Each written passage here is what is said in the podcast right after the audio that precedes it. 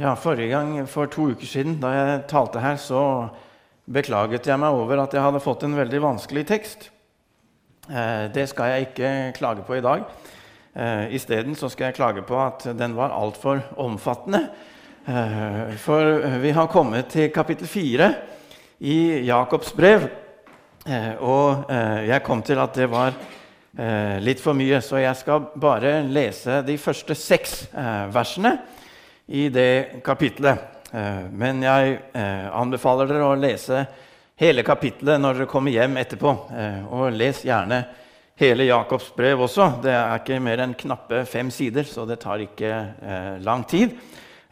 Og som Tor Espen la inn over oss da han begynte disse prekenene over Jakobs brev, så er det veldig lurt å lese eh, Bibelens bøker i sammenheng fra begynnelse til slutt eh, og komme inn i eh, tankegangen. Eh, og med Jakobs brev så er det ikke uoverkommelig. Det er ikke så veldig eh, langt eh, brev. Men kapittel fire er altså for langt for en preken på søndag formiddag. Så vi skal nøye oss med vers 1 til 6. Eh, hvor kommer all striden og spliden hos dere fra? Eh, er det ikke fra lystne som fører krig i lemmene deres? Eh, dere begjærer, men får ikke. Eh, dere myrder og misunner, men oppnår ikke noe. Eh, dere lever i strid og ufred. Eh, dere har ikke fordi dere ikke ber. Dere ber, men får ikke fordi dere ber galt. Dere vil sløse det bort i nytelser. Utro som dere er, eh, vet dere ikke at vennskap med verden er fiendskap mot Gud? Den som vil være verdens venn, blir Guds fiende. Eller mener dere det er tomme ord eh, når Skriften sier med brennende iver gjør Gud krav på den ånd han har latt bo i oss. Men nåden han gir, er større. Derfor heter det:" Gud står de stolte imot, men de ydmyke gir han nåde.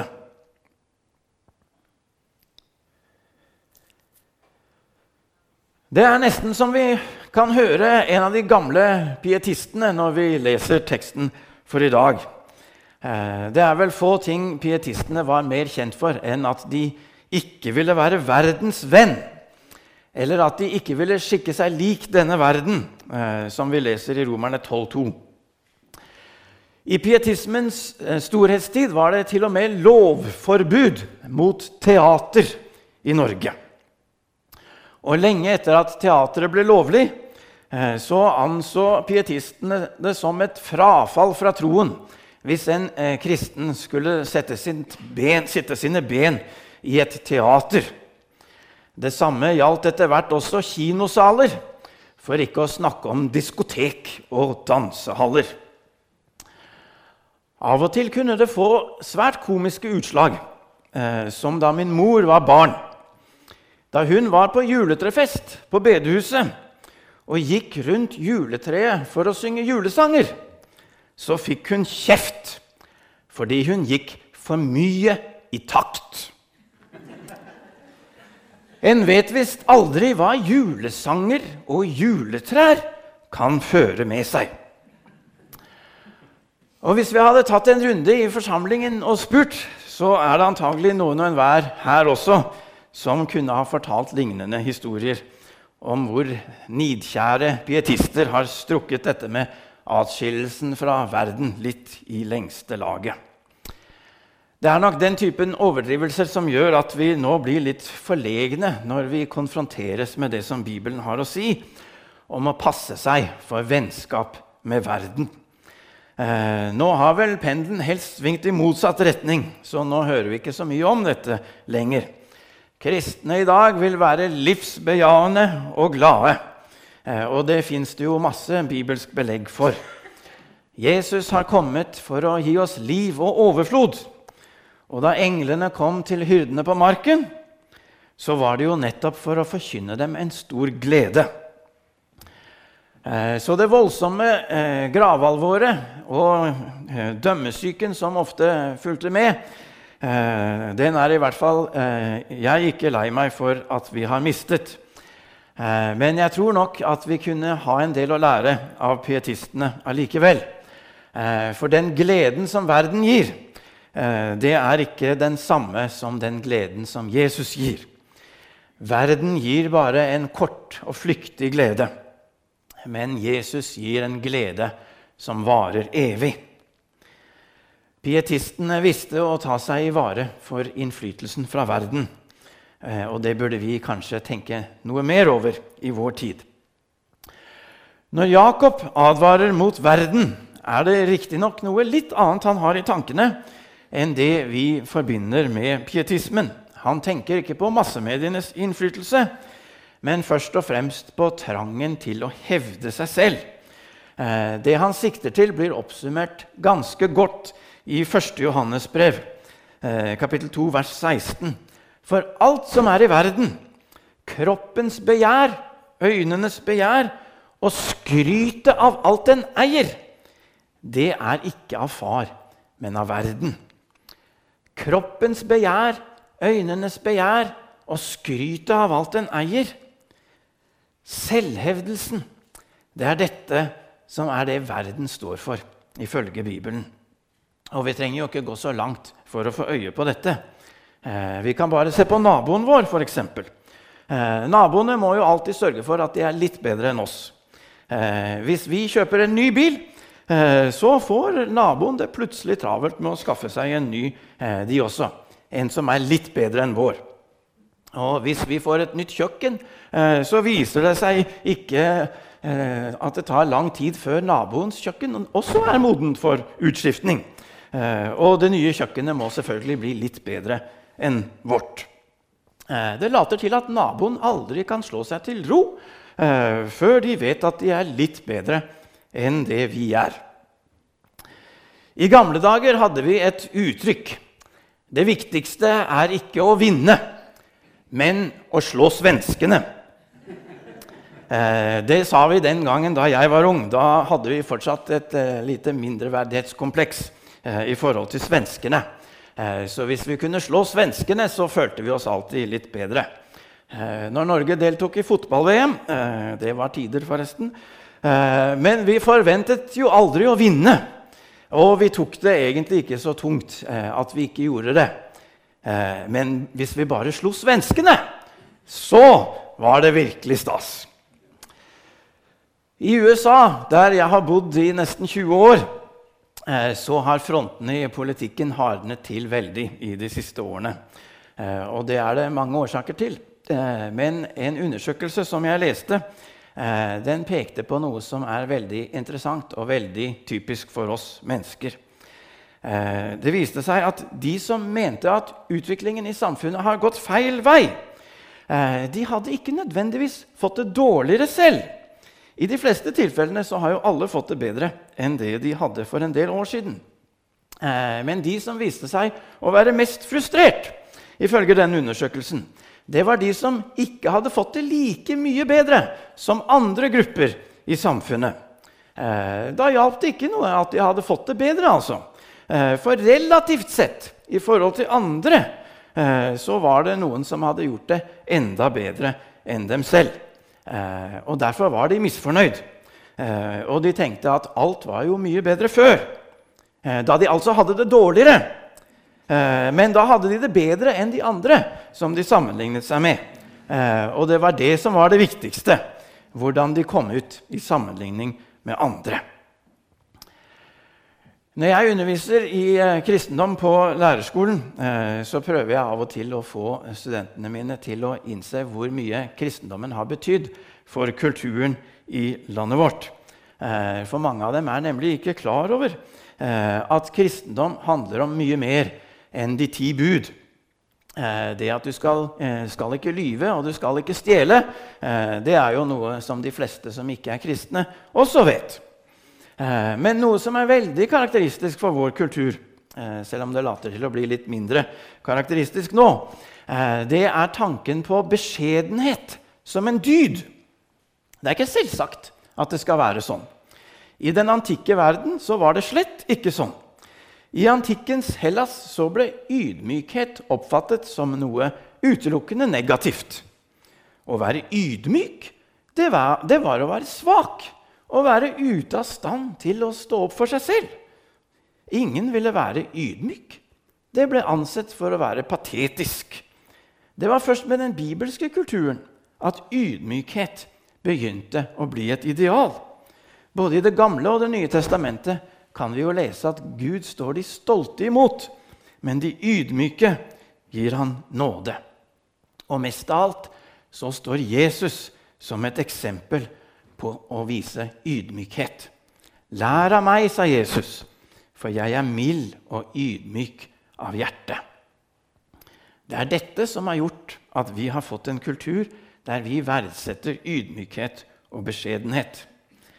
Men trangen til å hevde oss selv, den har vi allikevel.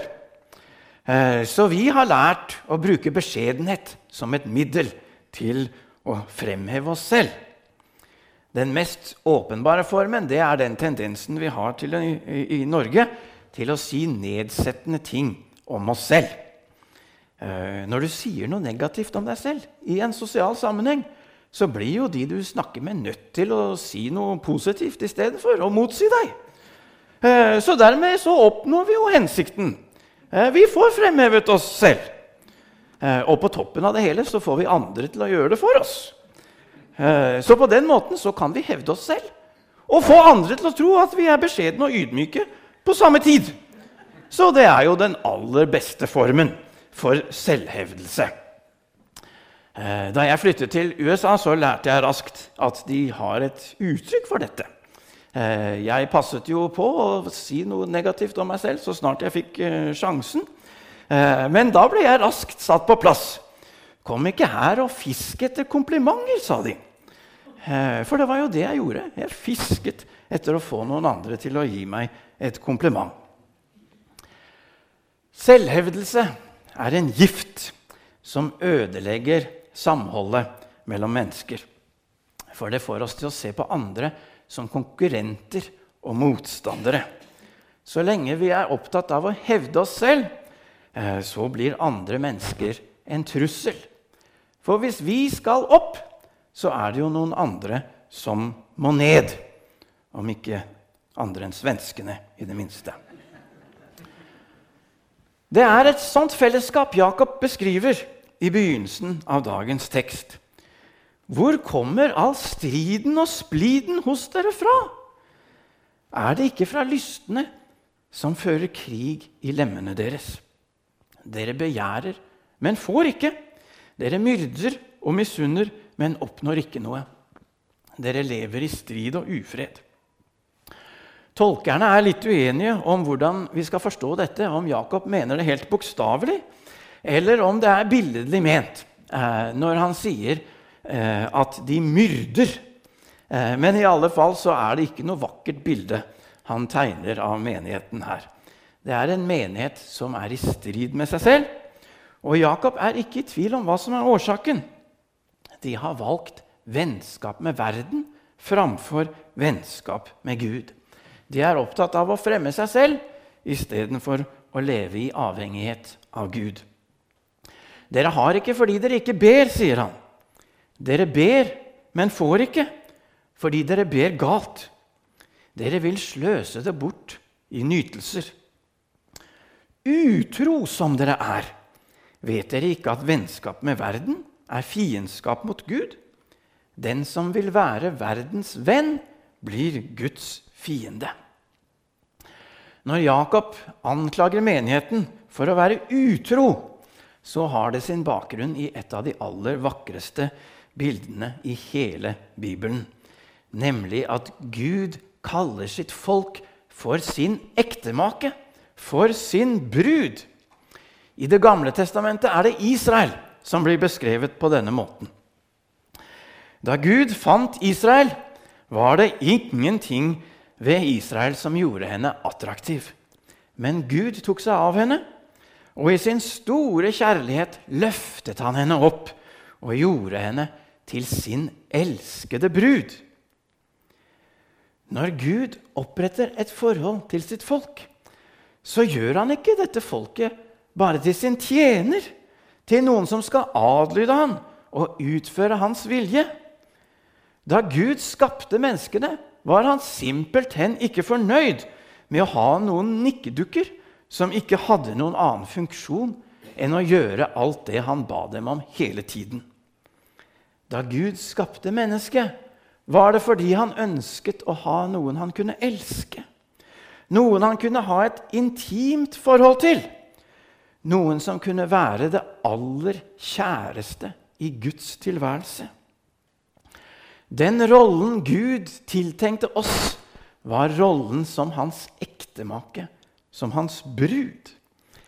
Det forteller oss at det Gud ønsker aller mest, det er å få anledning til å elske oss og til å få oppleve at vi elsker Han til gjengjeld. Et ekteskap kan jo ikke baseres bare på én persons kjærlighet. For å oppnå hensikten med et ekteskap eh, så trengs det to parter som elsker hverandre.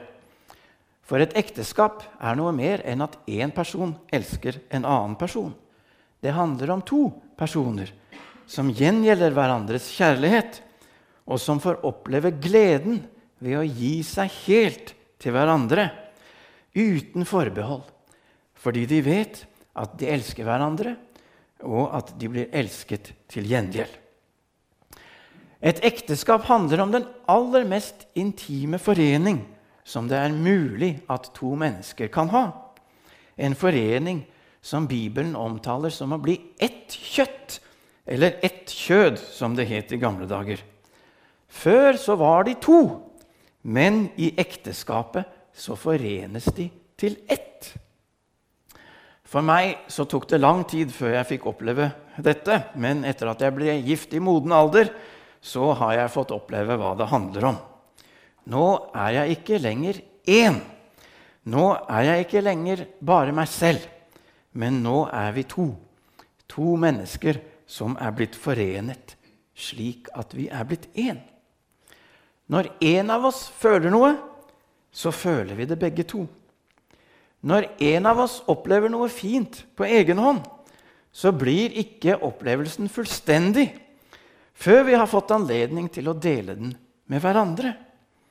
En glede blir liksom ikke riktig hva den kunne være, eh, før vi får den gleden av å ha den i fellesskap. For nå er vi ikke lenger to. Vi er blitt ett, og vi er blitt forenet.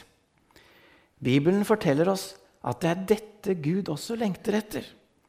Han lengter etter å få være ett med oss. Han lengter etter å ha en fullkommen forening med oss. Han lengter faktisk så mye etter det at han ga sin egen sønn i døden, så han kunne oppnå det. Han hadde alle englene i himmelen, men det var ikke godt nok. For de var ikke i stand til å forstå storheten i Guds kjærlighet. Det var det bare mennesker som kunne. For det er bare vi som har fått oppleve at Gud har gitt sin sønn for å dø for våre synder.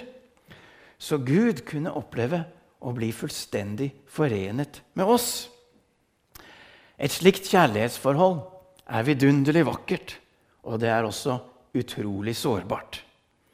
Det er forferdelig vanskelig å få det til å bli virkelighet, og det er forferdelig enkelt å ødelegge det. Et slikt forhold må nemlig være fullstendig eksklusivt.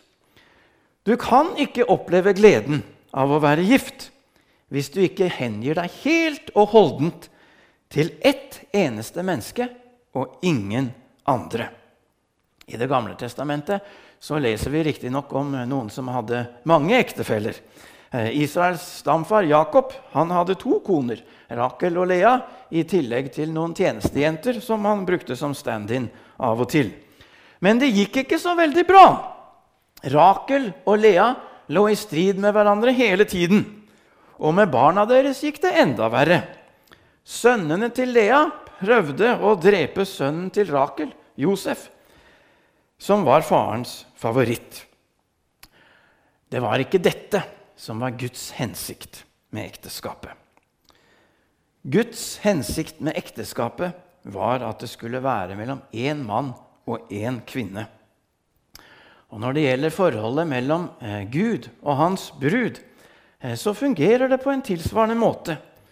Gud vil ikke dele sin brud med noen. Han vil ha henne for seg selv. I Det gamle testamentet kan vi lese videre om hvordan israelsfolket var utro mot Herren. De holdt seg ikke til han alene, men de fant også andre guder som de tilba og satte sin lit til i vanskelige stunder. Profetene omtaler dette som at folket har vært utro mot sin Gud. De var Herrens brud, men de hadde rett og slett begått ekteskapsbrudd og funnet seg andre elskere. Og det var dette som gjorde at Herrens vrede brant imot folket. Vi må forstå at Gud er ikke en grusom herre som leter med lys og lykte for å finne en bitte liten feil som han kan dømme på den aller mest forferdelige måten. Når Bibelen taler om at Gud blir vred, så handler det om at Gud er såret. Han er såret på den aller mest brutale måten. For han har opplevd at hans brud, hans brud som han var så glad i Denne bruden har gått av sted og funnet andre elskere. Det er dette som er bakgrunnen når Jakobs brev sier om Gud at med brennende iver gjør Gud krav på den ånd han har latt bo i oss. Denne oversettelsen er egentlig litt tam. Det handler om at Gud er sjalu. Og selvfølgelig er han sjalu. Han vil ha kona si for seg selv. Han vil ikke dele kona med noen andre. Og det er det det handler om når Jakob sier at vennskap med verden er fiendskap mot Gud. Du kan ikke ha to ektefeller. Du må velge den ene. Du kan ikke holde deg til både Gud og verden. Du må velge den ene. Gudsdyrkelse og avgudsdyrkelse handler først og fremst om tre ting. Det er kjærlighet, lydighet og tillit. Hvem eller hva er det vi elsker mest av alt? Hvis det er denne verden vi elsker mest av alt, hvis det er vår egen selvhevdelse og vår egen storhet vi elsker mest av alt, da er det denne verden som er blitt vår Gud. Hvem eller hva er det vi lyder mer enn noen annen? Hvis det er viktigere for oss å gjøre det som er populært i verden, enn å lyde Gud, da er det denne verden som er blitt vår Gud. Og hva er det vi setter vår lit til? Hvis det er denne verden vi tror skal gjøre oss lykkelig, og hvis det er denne verden vi tror skal skåne oss fra ulykke og nød, da er det denne verden som er vår Gud. Den som vil være verdens venn, blir Guds fiende, sier Jakob. For med brennende iver gjør Gud krav på den ånd han har latt bo i oss. Når det er slik fatt, er det godt at Jakob legger til. Men nåden han gir, er enda større. Av en eller annen grunn liker jeg det bedre i andre oversettelser. Men desto større er nåden han gir. Det låter liksom tydeligere. Ja, Gud er sjalu, og han kan bli brennende vred. Men desto større er nåden han gir.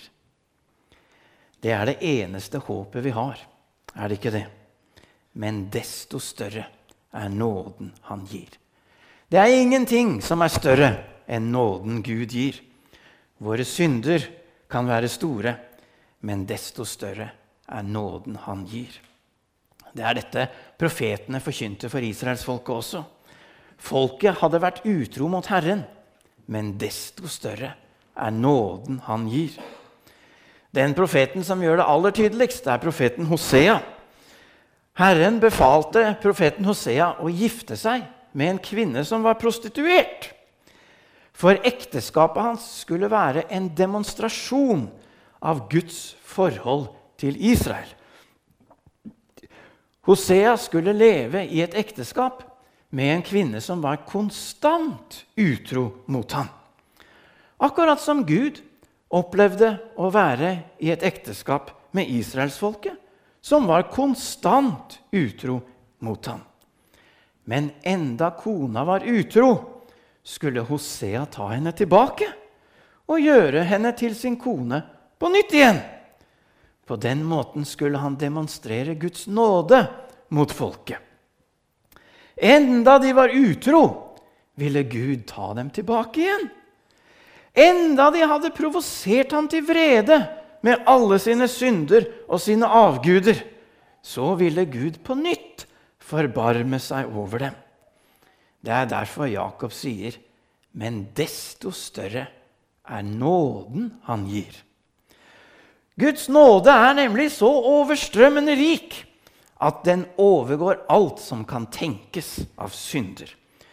Uansett hva vi har gjort, uansett hvor mye vi har elsket denne verden, uansett hvor mye vi har gått bort fra Gud, Uansett hvor utakknemlige vi har vært, og hvor skammelig vi har svart på all den kjærligheten som Gud har vist oss.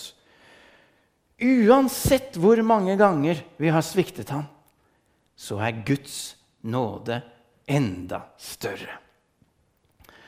Apostelen Paulus sier at der synden ble stor, ble nåden enda større. Der synden ble stor, det handler om oss. det. For vår synd er ikke bare småting som vi har gjort en gang iblant. Vår synd er at vi har gått bort ifra Gud, og vi har gitt vår kjærlighet, vår lydighet og vår tillit til denne verden. Men der synden ble stor, ble nåden enda større. For Jesus døde for alle våre synder. Uansett hvor mange de er, og uansett hvor store de er, så har Jesus tatt alle våre synder på seg. Han døde for våre synder, så vi skulle få nåde og tilgivelse. Det er derfor Paulus sier at der synden ble stor, der ble nåden enda større. Vår synd er som en stor elv som renner ustoppelig med våre ugjerninger. Men så kommer Guds nåde som en stor tsunami som bare svelger opp hele denne elven med våre synder. For der synden ble stor, ble nåden enda mer overstrømmende rik. Eller som Jakob sier, desto større er nåden han gir. Kjære himmelske Far, vi takker deg for at det er sant som Jakob sier, at desto større er nåden som du gir. For vi vet at vi er helt avhengige av din nåde og din tilgivelse, som du har vist oss så rikelig i Jesus Kristus.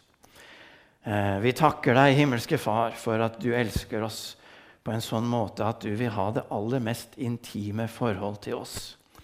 Og vi ber oss at du vil gi oss nåde til å elske deg og lyde deg, eh, slik at vi kan virkelig oppleve eh, denne fullkomne forening med deg i fullkommen kjærlighet.